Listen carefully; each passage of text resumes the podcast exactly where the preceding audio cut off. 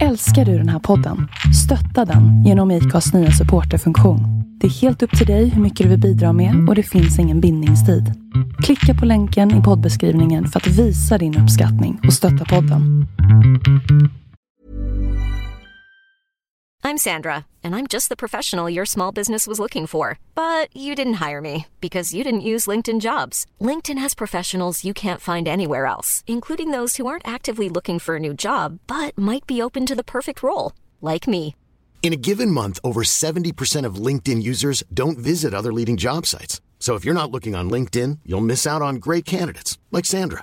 Start hiring professionals like a professional. Post your free job on linkedin.com/people today. Mom deserves the best, and there's no better place to shop for Mother's Day than Whole Foods Market. They're your destination for unbeatable savings, from premium gifts to show-stopping flowers and irresistible desserts. Start by saving 33% with Prime on all body care and candles. Then get a 15-stem bunch of tulips for just $9.99 each with Prime. Round out Mom's menu with festive rosé, irresistible berry chantilly cake, and more special treats. Come celebrate Mother's Day at Whole Foods Market.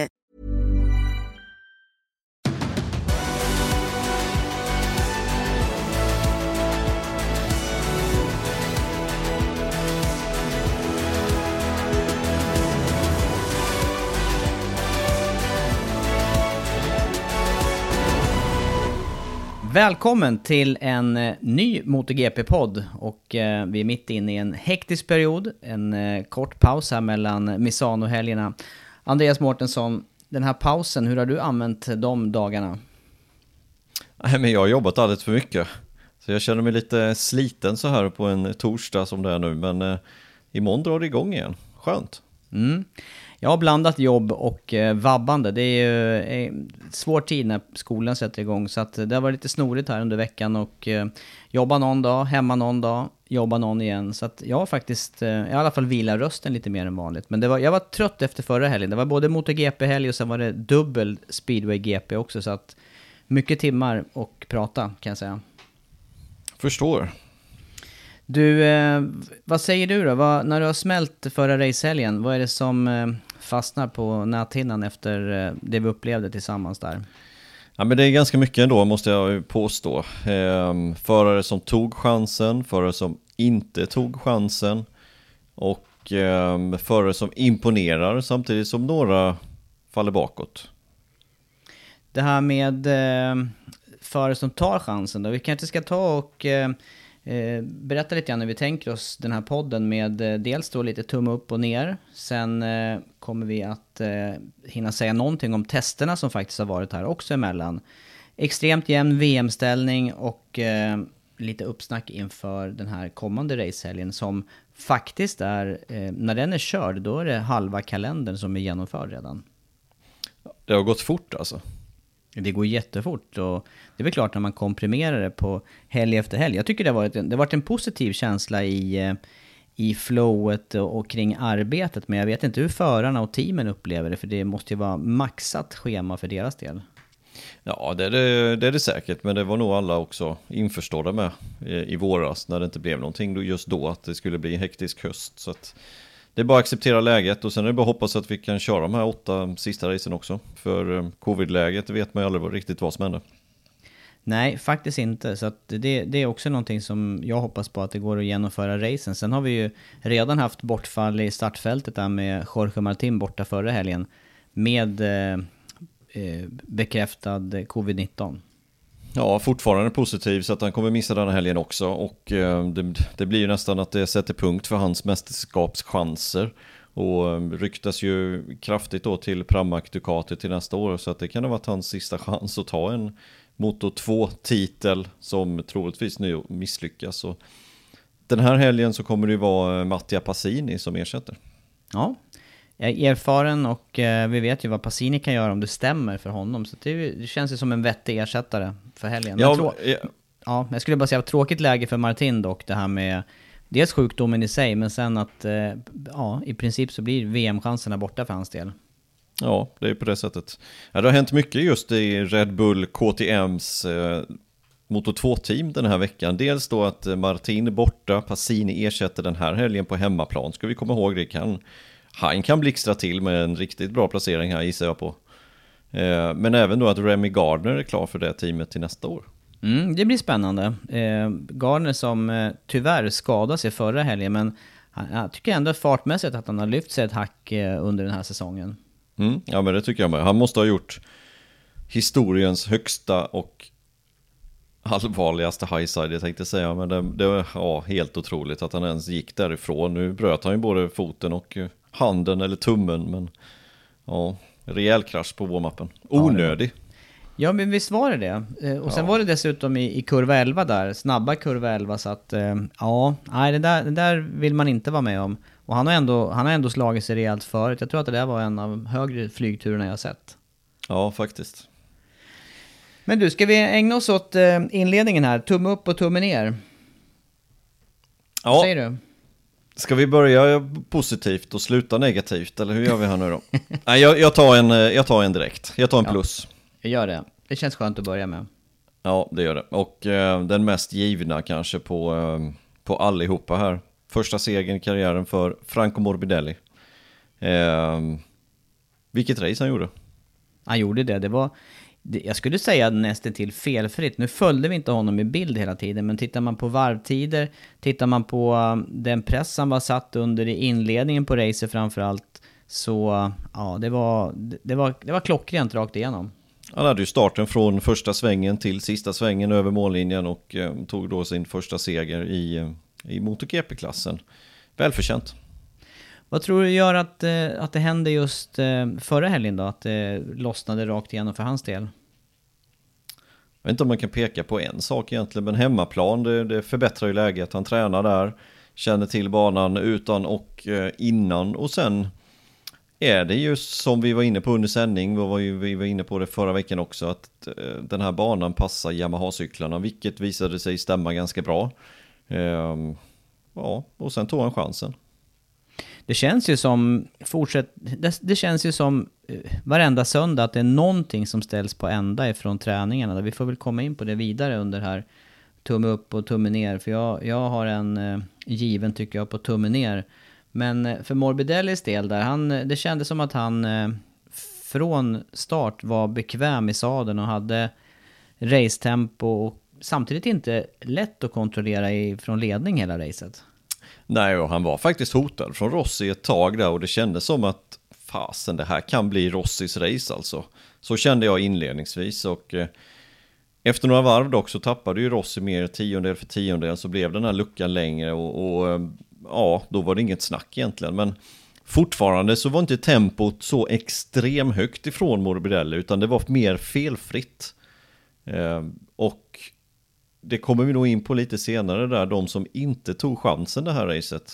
Mm. Ehm, för att jag tror att de, hade de tagit chansen så hade det blivit tufft för Morbidelli, men de gjorde inte det. Nej.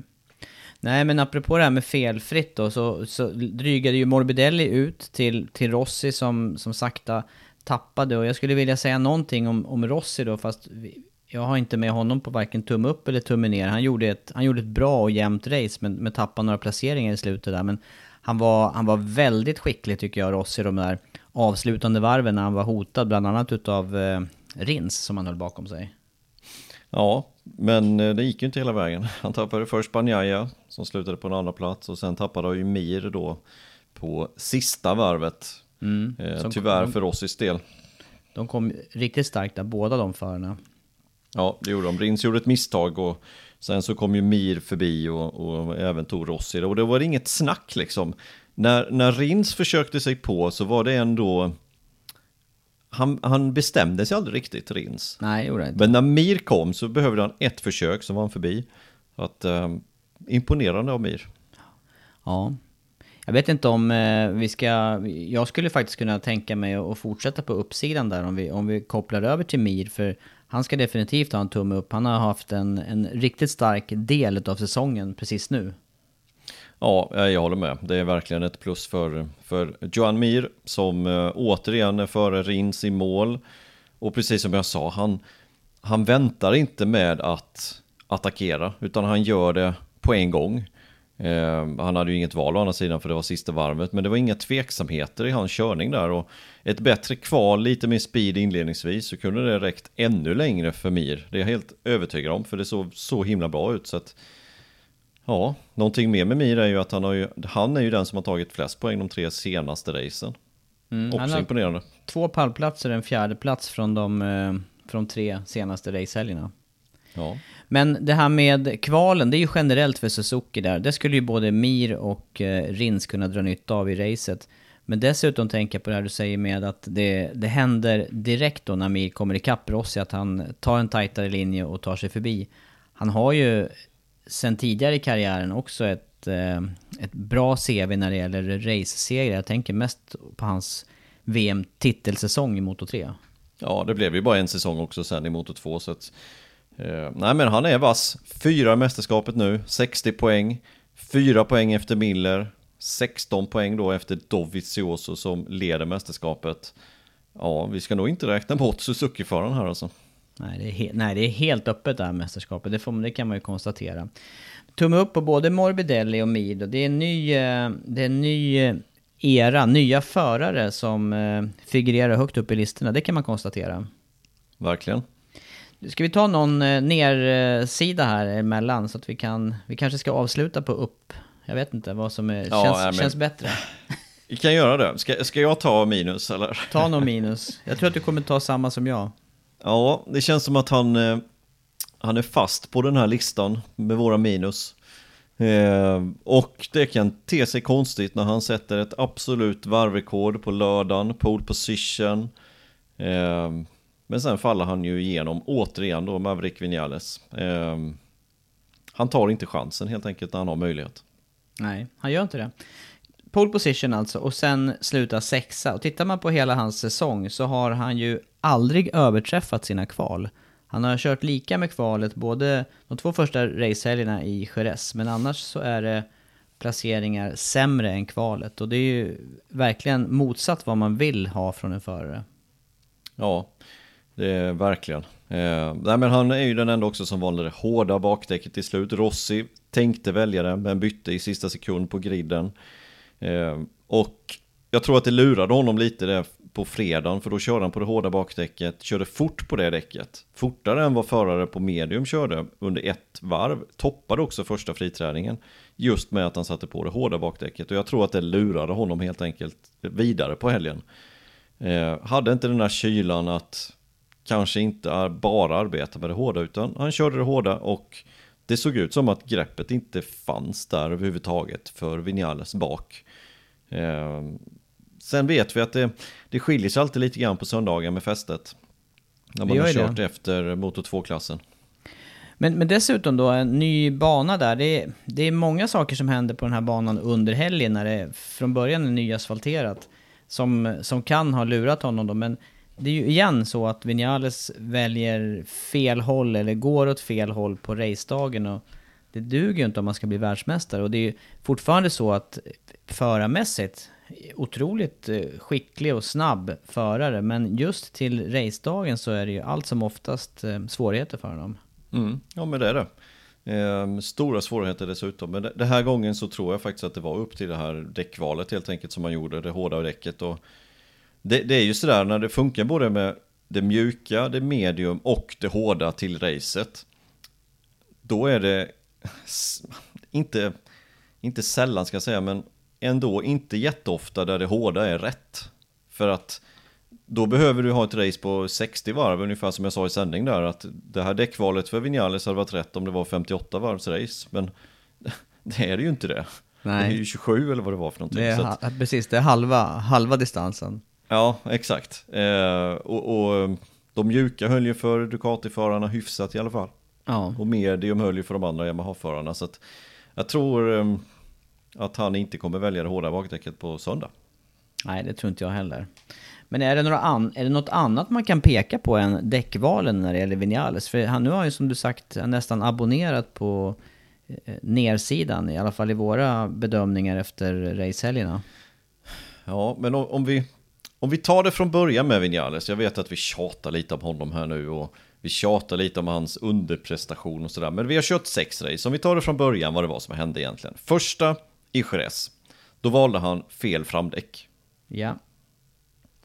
Vilket gjorde att han inte kunde utmana Quartararo. I alla fall vad det såg ut som. Andra racet. Då fick han sin andra plats i Jerez ganska till skänks på grund av lite motorbekymmer på Morbidelli och på Banjaya och han körde förbi Rossi på sista varvet eller näst sista efter ett misstag. Men där var det så extremt varmt så att hans, hans däck överhettade helt enkelt. Han kunde inte ligga så nära Quartararo som han ville. Sen har vi första racet i Tjeckien. Eller tjeckiska racet där mm. många hade problem helt enkelt.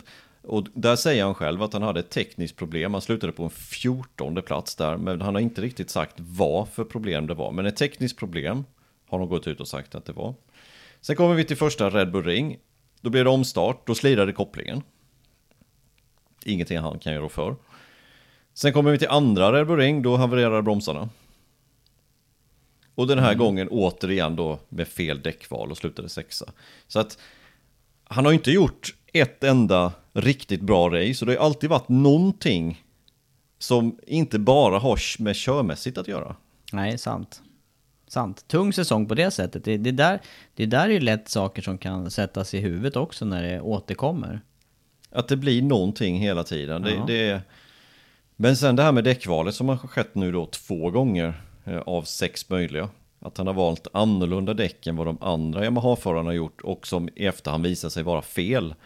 Det måste han ju, ja, jag vet inte, men han får väl gå och fråga någon annan crewchief i Yamaha-lägret vilka däck man ska åka på. För han verkar ju välja fel. Ja, ja det är sant. När du, när du räknar upp det så här på en lång rad, då är det, då är det ju... Eh, ja, det är tydligt varför han inte har fler poäng i mästerskapet.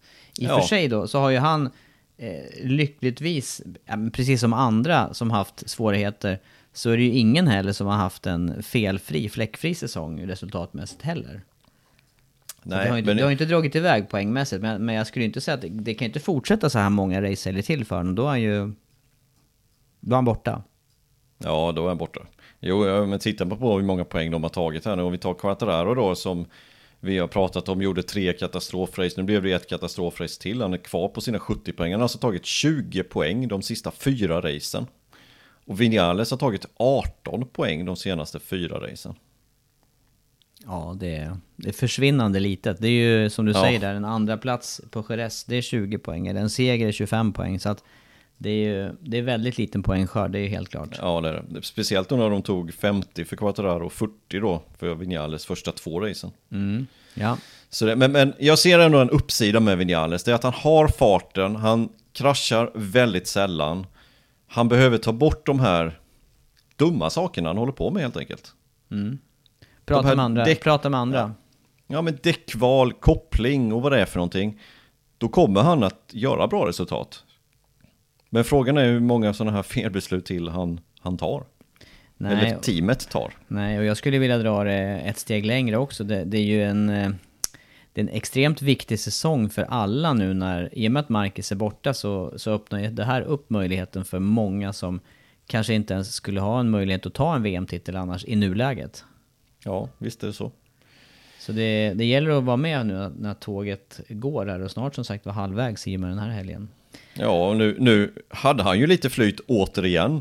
Han kunde dels utnyttjat det, men skadan blev inte så pass illa som den kunde ha blivit nu när Quattararo också gjorde ett, ett rookie-misstag nästinpå. Ja, faktiskt. Och Miller gjorde inget toppresultat och inte heller Dovizioso som är framför i mästerskapet.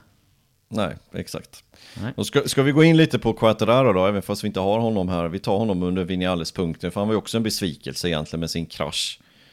Ja, det var han definitivt. Det kändes eh, för mig som att eh, de här två namnen som vi hade inför helgen där med Vinales och eh, Quartararo som våra favoriter, de, de föll igenom båda två. Quattararo gjorde ju ett förhållandevis enkelt misstag, eller ett oprovocerat misstag, så det, det var inte likt honom heller.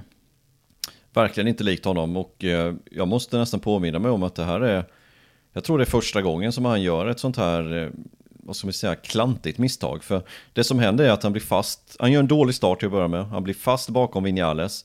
Och vi vet det att eh, då överhettar framdäcken när man ligger bakom någon annan. De får inte sån kylning som de behöver. Eh, när han väl tog sig förbi, då hade värmen stigit till framdäcket. Då ökar också trycket och lufttrycket då i däcket, vilket gör att man får sämre fäste fram. Man måste helt enkelt lugna ner framdäcket, gå förbi, få den här kylningen. Det gjorde inte Quattraro, utan han försökte att täta till den här luckan, för han såg ju att Morbidelli och Rossi höll på att fly iväg från fältet, så han kände sig nog lite stressad i den här situationen. För mycket, för mycket broms, för mycket nedlägg helt enkelt, gick omkull då kurva 4.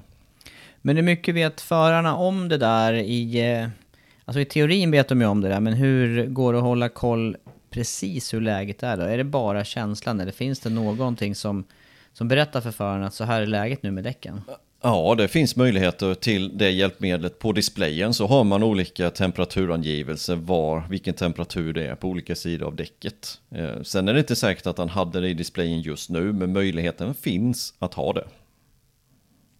Ja, det, då känns det som att det borde utnyttjas där, eller men det är också en sån där grej som man skulle kunna härleda till brist på erfarenhet fortfarande då. Det är ju ändå bara inom citationstecken hans andra säsong i MotoGP. Så han har, ja. ju, inte, han har inte massa erfarenhet att ösa ur.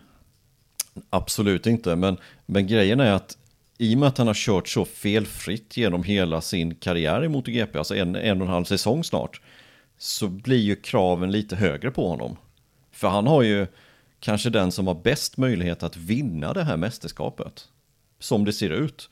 Eh, han har farten, han sitter på en bra cykel. Det är banor som passar honom. i och han blev tvåa där förra helgen. Han, han blev trea nu på griden. Han hade verkligen farten för att vinna det här racet.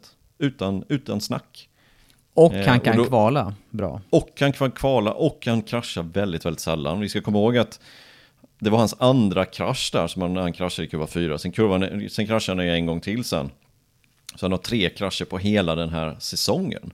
Mm. Så att det, det är upplagt för Quattararo, även fast han har lite mindre erfarenhet. Och det är det som gör att man blir liksom lite förvånad när sånt här händer, för att kraven är så pass högt ställda. Ja, han måste, han måste också ta chanserna när de, när de ges. Eh, och sen då med, eh, med eh, en titelchans där, tror jag att han tänker så inombords, att, att det är också någonting som pressar honom redan? Inte utåt sett, verkar det inte så. Utan då, då tycker han ju själv, han tog ju på sig det här misstaget och sa det var mitt eget misstag.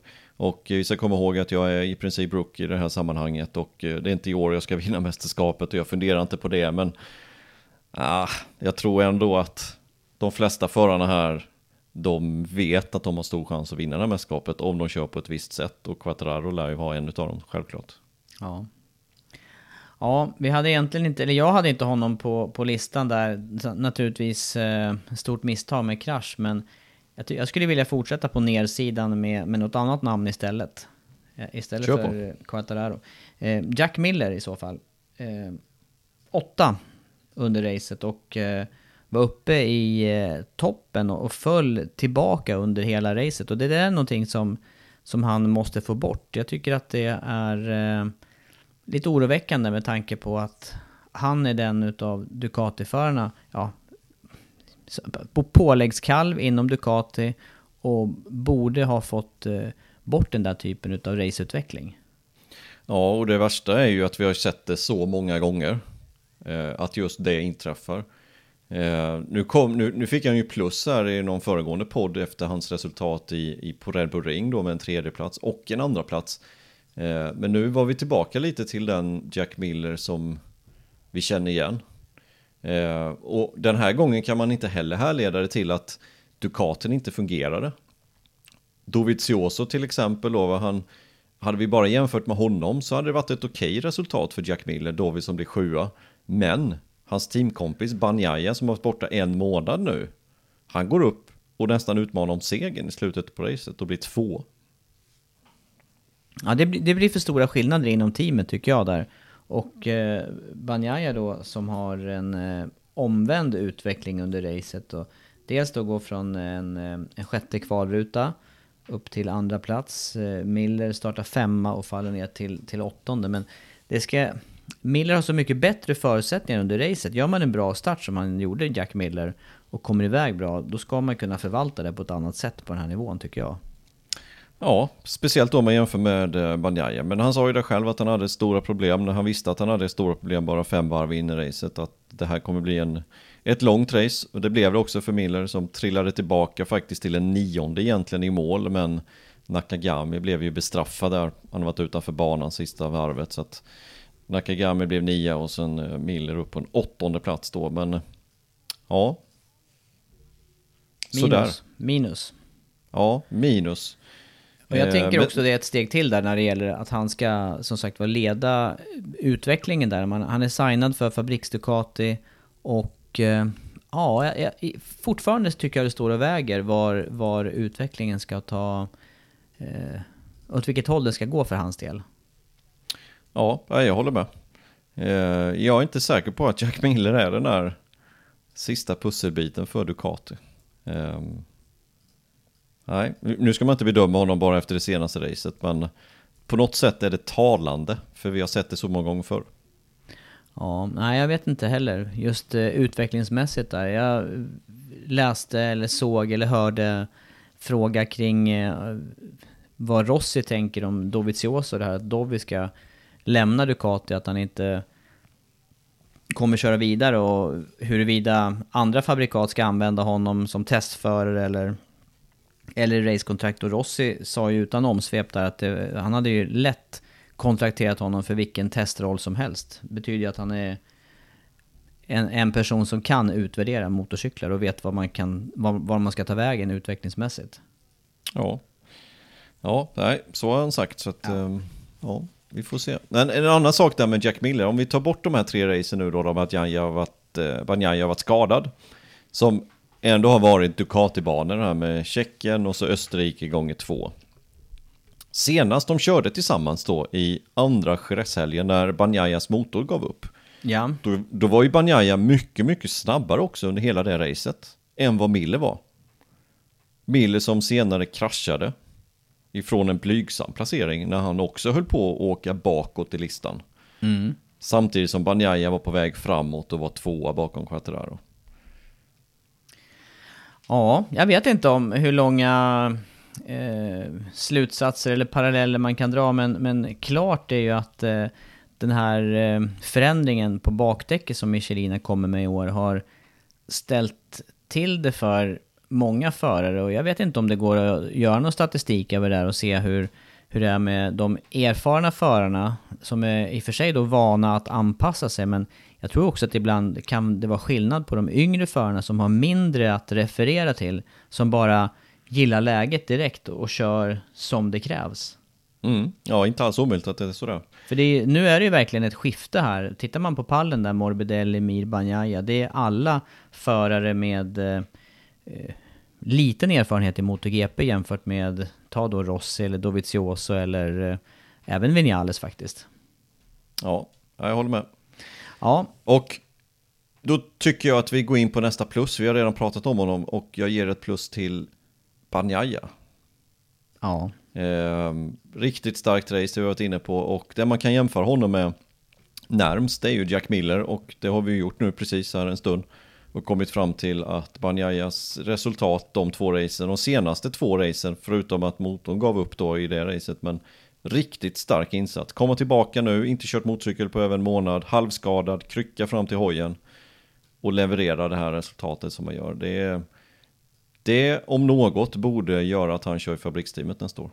Mm, absolut, jag, jag tänker detsamma. Det här är helt rätt eh, läge i säsongen att prestera på det sättet som man gör. Jag är imponerad också.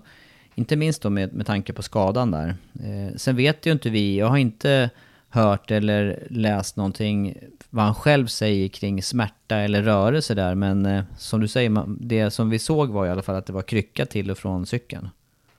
Ja, Nej, han borde verkligen ha stärkt sina chanser till en fabriksstyrning till nästkommande säsong tycker jag. Att de inte väljer, de sa ju det inför helgen att de väljer mellan Sarko och Banjaya och eh, jag tycker det står ganska givet vem de ska välja i detta fallet.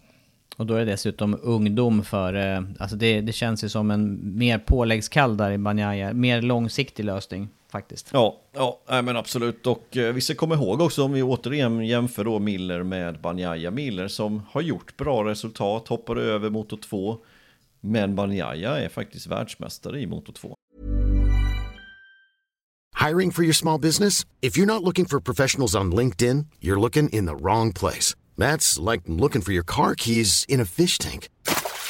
LinkedIn helps you hire professionals you can't find anywhere else, even those who aren't actively searching for a new job but might be open to the perfect role. In a given month, over 70% of LinkedIn users don't even visit other leading job sites. So start looking in the right place. With LinkedIn, you can hire professionals like a professional. Post your free job on linkedin.com slash people today. Mom deserves the best, and there's no better place to shop for Mother's Day than Whole Foods Market. They're your destination for unbeatable savings, from premium gifts to show-stopping flowers and irresistible desserts. Start by saving 33% with Prime on all body care and candles. Then get a 15-stem bunch of tulips for just $9.99 each with Prime. Round out Mom's menu with festive rosé, irresistible berry chantilly cake, and more special treats. Come celebrate Mother's Day at Whole Foods Market.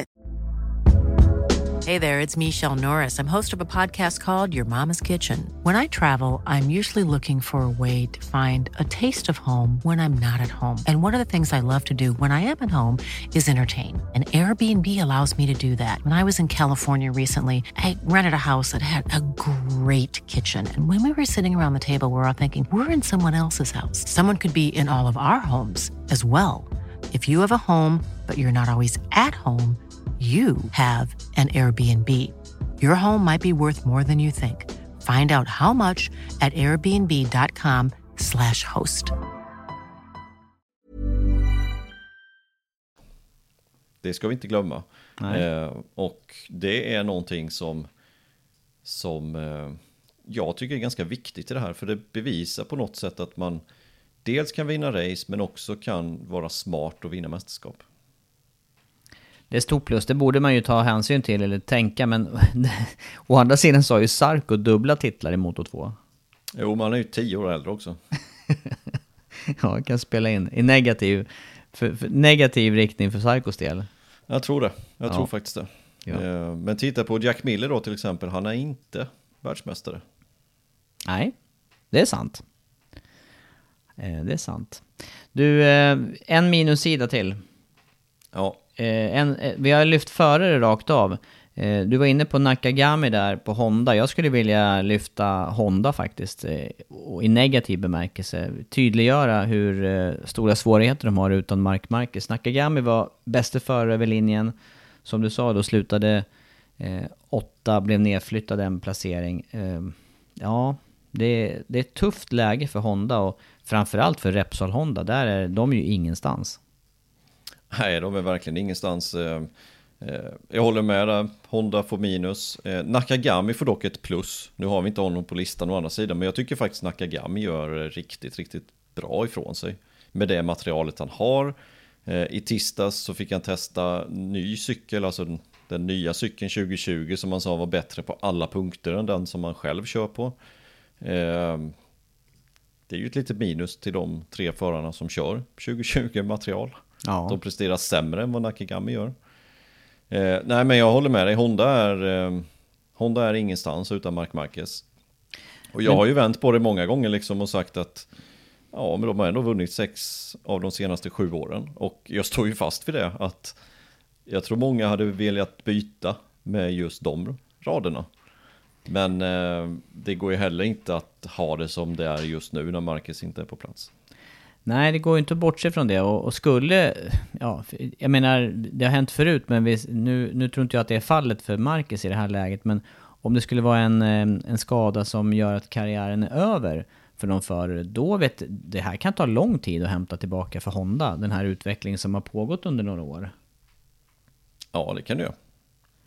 Eh, Eller att hitta en förare som, eh, som ha- har de förmågorna, eller likvärdiga förmågor på något vis.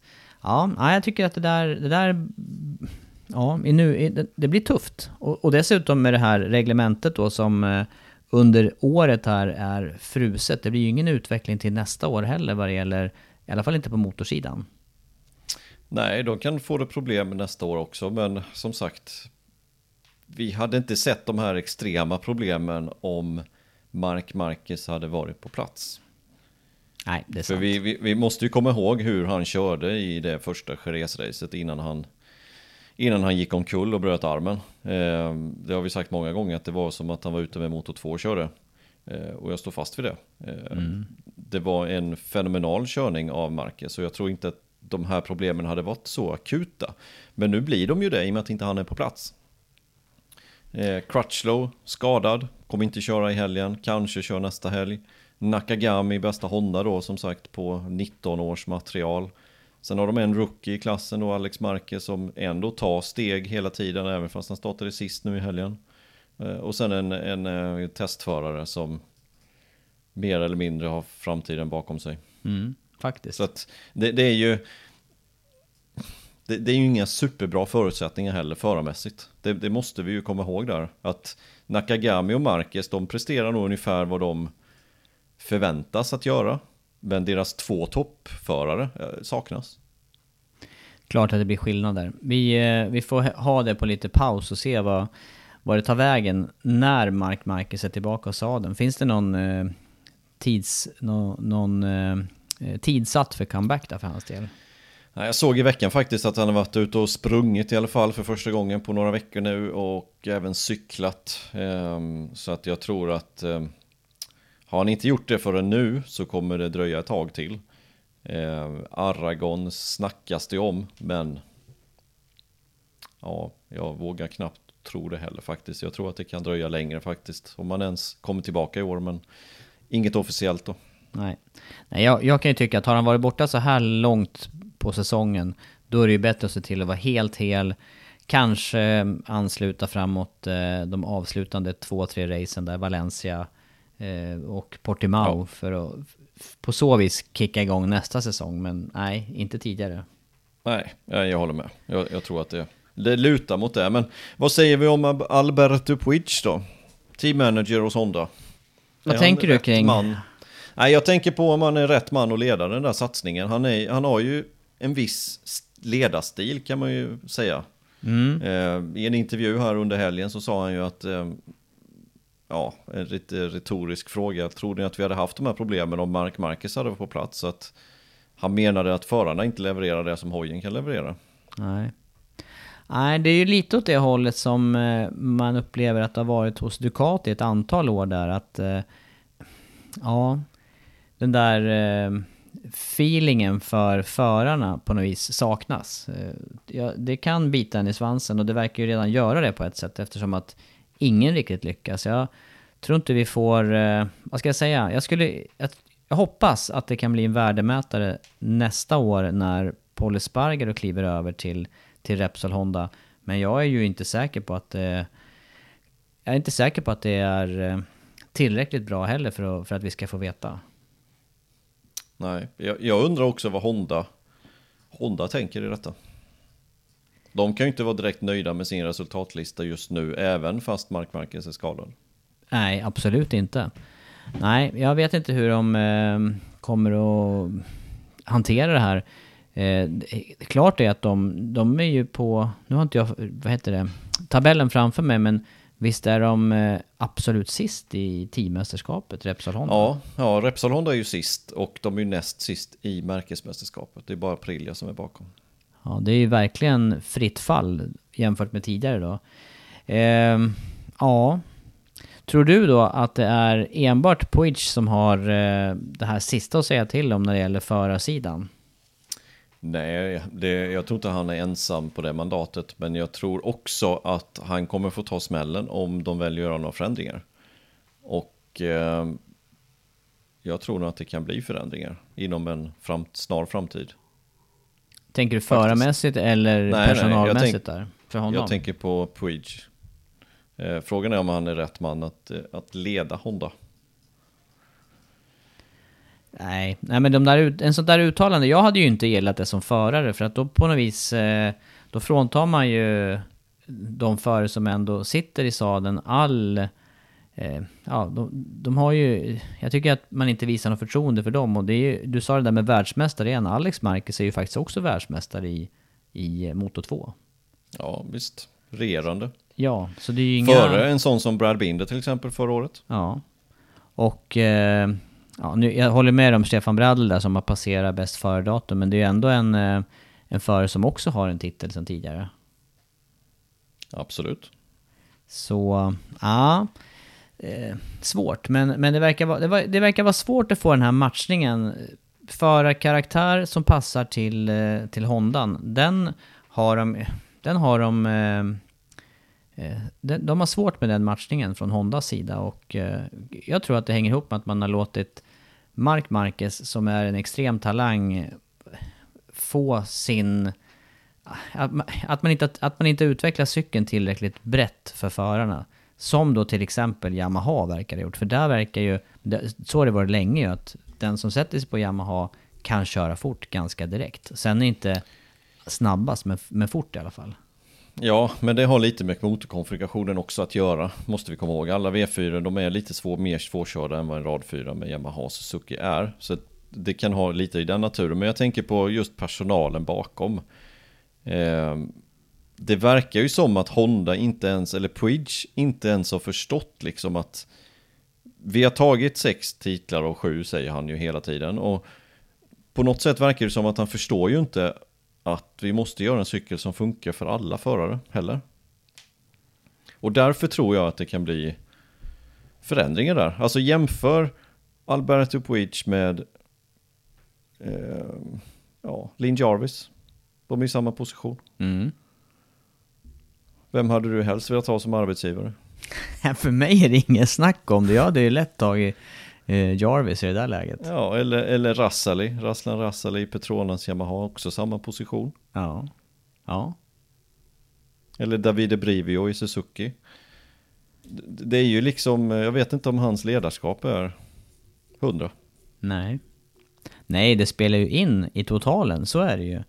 Eh, det finns ju de eh, karaktärer, vi har ju inte prata personligen med alla, men man ser ju ändå eh, både förarnas reaktioner och vi ser ju och läser uttalanden eh, från olika personer. Och, och, de här namnen du nämner där, det är klart att det är... Eh, de känns ju mer tillgängliga och, och lätta att, vad ska jag säga?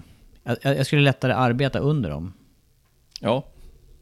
Det, rör ju, det gäller ju även Aki Ajo i det här fallet, som, om man nu tar exempel utanför MotoGP. Visst, visst. Så att visst har det, visst har det stor betydelse. Nej, det kanske, det kanske blir eh, eh, att röra om i grytan där för Hondas del. Mycket möjligt. När de hör den här podden och, och vi, och, och hör här att vi ger tummen ner åt dem, då, det är då det händer. Ja, oh, kanske. Kanske, kanske. Men du, ska vi hoppa vidare från det här? Eh, ja, men vi gör det. Vi gör det. Och eh, konstaterar då att eh, vi har gett några tumme upp, några tumme ner och eh, vi, du nämnde, vi kan väl bara studsa förbi det här med, det är ju silly season, vi nämnde Banjaya. Finns det några platser som är öppna fortfarande då som, som folk före står och knackar för dörren på? Ja, vilka platser är det nu då? Är det Aprilia-styrningen som fortfarande är ledig? Och mm. där ryktas ju om att de vill vänta på Andrea Nonnes eh, slutgiltiga bud, vad det blir för någonting, om det blir avstängning eller inte innan de signar eh, till exempel då Dovizioso eller Crutchlow. Båda antar jag pratar med Aprilia, mm. åtminstone Crutchlow. Eh, men det är ju vad då vi ska ta vägen. Det finns ju inte så många öppna platser och eh, den här KTM-vägen som jag tyckte var en bra idé, den verkar ju stängd. Verkar inte bli det, utan eh, då är ju frågan vad gör, eh, vad gör Dovizioso? Ja, jag, jag, vet inte vem jag skulle hålla som eh, mest, ja, om jag var Aprilia, då hade jag hellre velat ha Dovizioso på den här styrningen. Men eh, jag vet inte om Dovi ens kommer att överväga det om man får eh, erbjudande därifrån. Nej, jag vet faktiskt inte heller.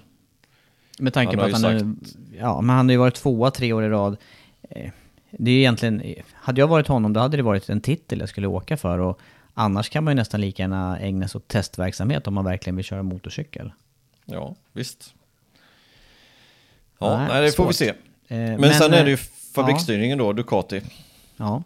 Och den där är har vi klar. Har redan sagt där att Banjaya är den som eh, är mest trolig där. Ja, han borde få den styrningen tycker jag. Eh, Sarko då flyttas upp till eh, Pramac Ducati. Eh, i så fall. Och Martin då, som Jorge Martin, som eh, ska ta den andra styrningen där, sägs det. Mm. Bastianini verkar klar för Avintia Ducati till nästkommande säsong. Jämte Tito Rabatt då, som, fort, som har kontrakt inför nästa säsong också. Ja. Ryktas lite att det teamet ska lägga ner efter nästkommande säsong. Alltså efter 2021. Efter 2021 ja. Ehm, ja, får vi se om det stämmer och vad det blir istället. Det ryktas ju om både att Suzuki ska ha ett, ehm, ett satellitteam, att Leopard Racing är på väg in och att Rossi då vill överta de två platserna också till sitt team i MotoGP. Ehm, ja, vi får väl se vart det leder. Ja, vi får se. Eh, Darren Binder har nytt kontrakt också. Jag hoppar vidare neråt i klasserna. Du nämnde Gardner där till Ajo. Darren Binder eh, snackade vi lite grann om i sändning senast, men nu har han skrivit på för Petronas Sprinta och kommer då byta fabrikat. Ser lovande ut. Ja, det gör det verkligen. Eh, kul för honom som verkligen har hittat farten den här säsongen.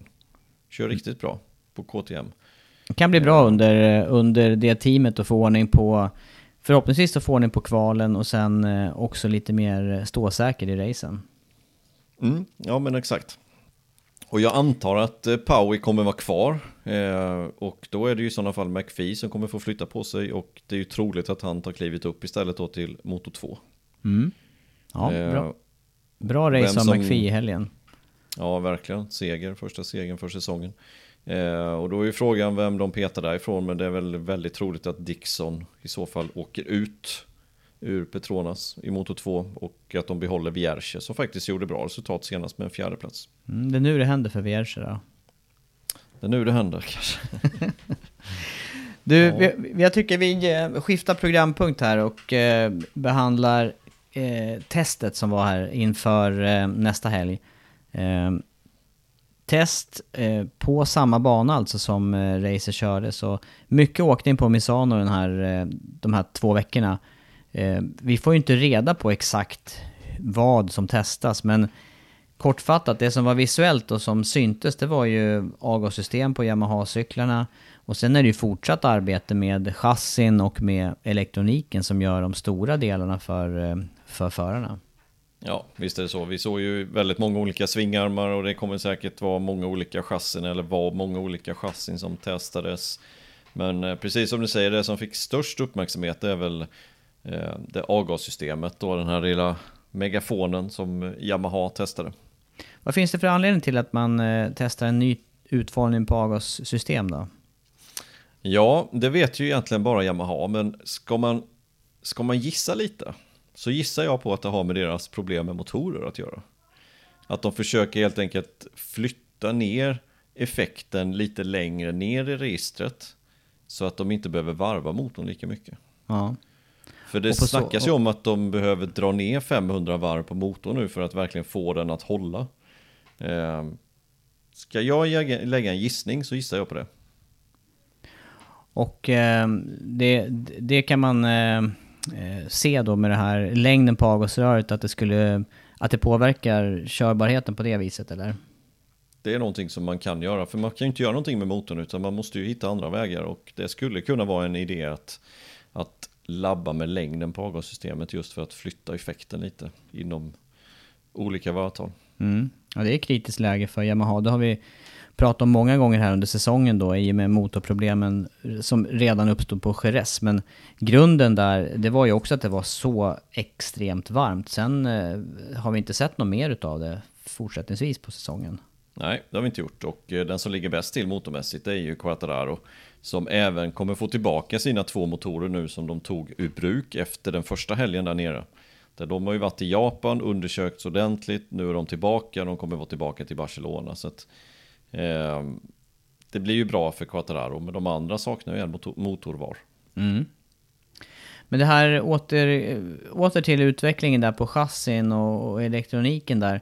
Eh, det verkar ju som, eller jag är i alla fall inne på det, att det kräver en förändring jämfört med förra året. Nya bakdäcken från Michelin och att det är det man försöker att komma till rätta med. Och det visar ju mer och mer och, och igen hur, eh, hur viktiga däcken är i den här klassen.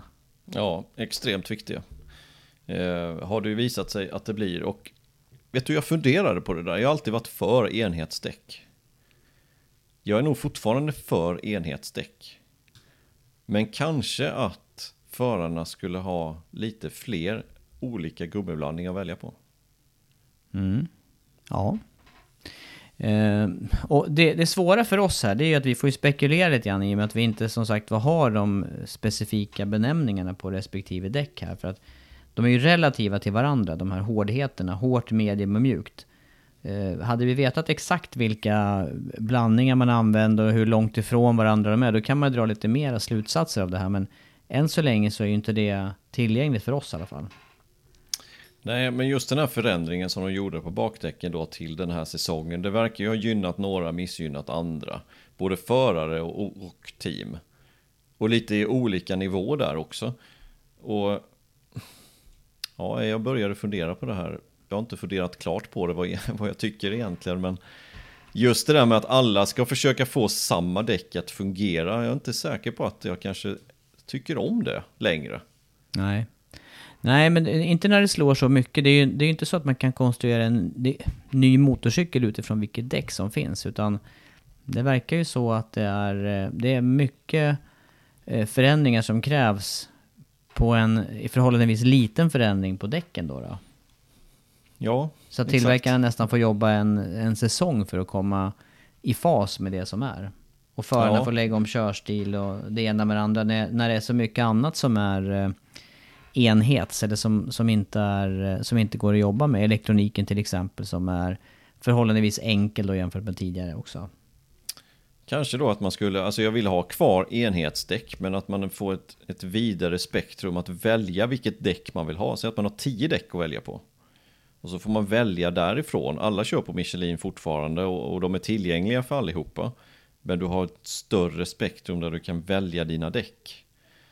Um ja, jag börjar, jag måste låta det marinera lite innan jag kommer fram till vad jag tycker egentligen. Ja, Nej, men jag fattar lite, eller jag, jag, det låter som en intressant tanke. Eh, mycket logistik såklart, men då kanske man ändå måste välja inför racehelgerna. Men jag är även inne på det här med att man skulle kunna ha ett par olika stommar i så fall. För vissa vill ha mjukare, vissa är för hårdare stomme och sen då kombinerat med själva slitytan där, hur den, eh, hur den beter sig. Så att vi, vi är tillbaka till det där i alla fall, att det ligger mycket i förarens händer vilken typ av känsla man vill ha tillbaka från motorcykeln. Ja, men jag håller med där. Man skulle ha olika stommar och olika gummiblandningar. Alla skulle vara tillgängliga för alla. Eh, alla däck som alla får köra på. Men att man kommer ju hitta sitt favorit där. Och de, de, just de tre däcken som Michelin just nu har till de här racen. Det kanske passar några förare bättre än andra. Kolla på Dovizioso. Nu leder han mästerskapet, visserligen då, alltså det är svårt att, att kritisera honom eller däcken, men, men fortfarande så tror jag han kommer få väldigt svårt att vinna i år. Med tanke på däcken. Ja. För han har inte farten riktigt. Nej, nej vi, vi kanske ska låta den där frågan marinera lite grann. Eh, men eh, testerna, går det att utläsa någonting där ur, ur tidmässigt nu då? För nu är Vinales uppe i topp igen och det är som vanligt då. Han är snabb på test, han är snabb på kval, han är snabb på fria träningar, men lyckas inte sätta dit det på racehelgen, eller på racedagen. nej, nej jag, jag, vi kan inte säga mycket vad som, vad som eh, ja, efter tisdagens test helt enkelt. Utan de testar olika saker. Vi får inte reda på exakt vad de testar. Vi vet ungefär det man kan se. De, De testar, jobbas mycket på, på chassi, men annars så säger det inte speciellt mycket. Utan Vinales snabbast. Eh, verkar som att han jobbar mer med medium bakdäcket. Som sagt, jag tror inte han kör på det hårda bakdäcket på söndag. Jag blir väldigt förvånad om det blir så. Mm. Eh, utan försöker nog köra medium istället. Ja. Ja, vi får se vad, vad respektive tillverkare släpper rent eh, eh, faktamässigt ifrån det här testet. Nästa punkt, VM-ställningen, skulle jag vilja hoppa vidare till.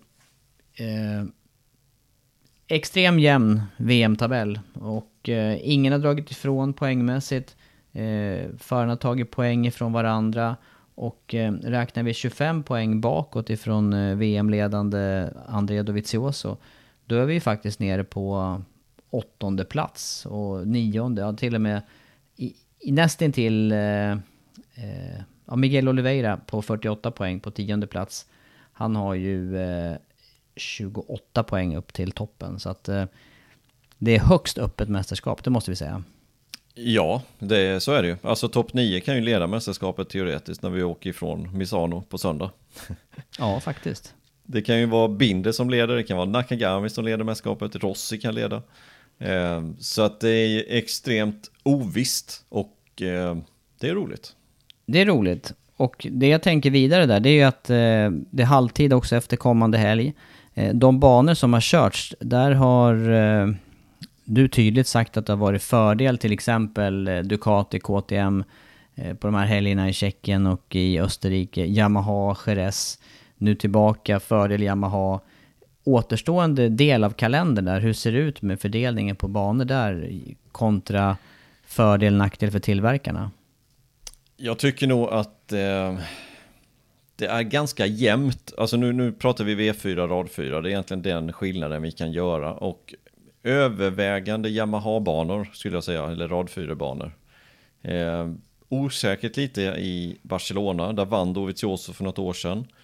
Eh, ganska lång raksträcka, men jag är inte helt säker på att Ducken kan dominera där. De banor som de kan göra bra resultat på, det är i Aragon och det är dubbelrace där. Sen vet vi Valencia, där kommer Ducati ha det jätte, jättesvårt. Eh, Portimao, lite okänd mark. Ja, det är högst okänd mark faktiskt för de här ja. förarna.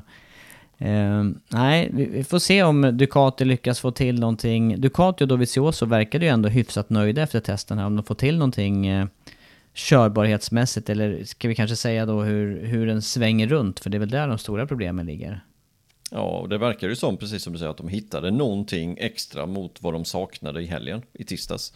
Viktigt för, för Dovi nu när han har mästerskapsledningen med sex poäng att, att försöka göra bättre resultat än sin sjunde. Mm. Eh, sen det här med hur eh, det är att köra två race på samma bana. Eh, det är ju få helger och få förare där vi har sett eh, jämna resultat de här två helgerna emellan. Jag, jag är jag är spänd på utvecklingen kommande racehelg faktiskt.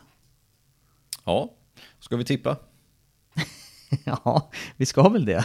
Jag, ja. jag vet inte hur bra de här tippningarna är, men jag tycker vi ska tippa. Ja, men jag kör en på uppstuds direkt. Ja, gör det. Och likt en... Eh, vad säger man här nu då? Jag lär mig aldrig. Jag är envis, jag kör på även fast det är dumt kanske. Ja, vad Nej, men för, då? förra veckan så tippade jag Quartararo Vinales Mir. Ja. Ja. Jag skulle nästan kunna hålla fast vid det faktiskt. Wow. Köra en gång till. Men, ja, men jag gör en förändring. Jag sätter Vinales högst upp. Vinales, Vinales Quartararo Mir. Quartararo Mir. Ja. Ja. Att han har lärt sig nu, nu då, Vinales. Mm. Ja, ja. Oj. Jag vill ju, jag vill ju, jag vill ju inte göra en exakt likadan tippning som du här. Eh, Ja, du säger att du tar på uppstuds. Det, jag måste också göra det i det här läget. Eh, jag, eh, jag slår till med... Jag ska göra någon förändring här nu. Jag ska ha Mir med och jag ska ha Quartararo. Sen undrar jag om jag ska ha en ytterligare Mir Quartararo. Ska jag tippa att... Eh, det här var svårt. Andreas, jag höll på att säga så här, hjälp mig. Jag tror, ja, att Mir tar sin, jag, jag, tror Mir tar sin första seger. Quartararo blir tvåa. Oj, det här är ju verkligen högoddsare om det blir så. Eh, jag säger att Rossi tar sig upp på pallen. Ja, vi har ju inte haft så många högoddsare denna säsongen. nej. Binder, Oliveira och... Nej, nej, nej, nej. Mir, Quartararo, Rossi säger jag. Ja, intressant. Ja, då, blir inte, då är det lite förändring jämfört med eh, förra helgen. Japp. Eh, Men eh, vi kan väl konstatera att Yamaha och Suzuki kommer att eh, vara högt uppe i listorna. Ja, det tror jag. Det tror jag. De eh, Ducati-förare då, Banjaya där eller eh, möjligtvis någon KTM, de kommer få kämpa för eh, topplaceringar i alla fall. Mm. Något eh, svalare väder inför kommande helg och eh, med kommande racehelg så är det alltså kalendern in i halvtid. Eh, någonting mer vi ska tillägga Andreas, eller känner vi oss färdigpratade för dagen? Nej, nu måste jag iväg vet du, så att, eh, nu får vi vara färdiga. Mm, skönt. Då, V-sportmotor är det som gäller i helgen. Ja, då tackar vi för idag så eh, hör ni oss och ser oss redan imorgon alltså, fredag. Tack så länge.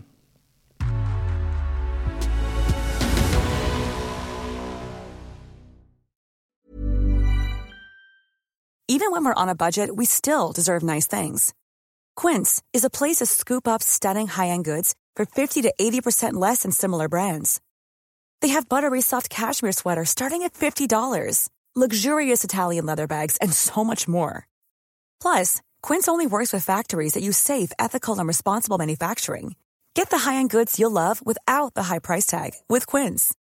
Go to quince.com/style for free shipping and 365-day returns. Mom deserves the best, and there's no better place to shop for Mother's Day than Whole Foods Market. They're your destination for unbeatable savings, from premium gifts to show-stopping flowers and irresistible desserts. Start by saving 33% with Prime on all body care and candles. Then get a 15-stem bunch of tulips for just $9.99 each with Prime. Round out Mom's menu with festive rosé, irresistible berry chantilly cake, and more special treats. Come celebrate Mother's Day at Whole Foods Market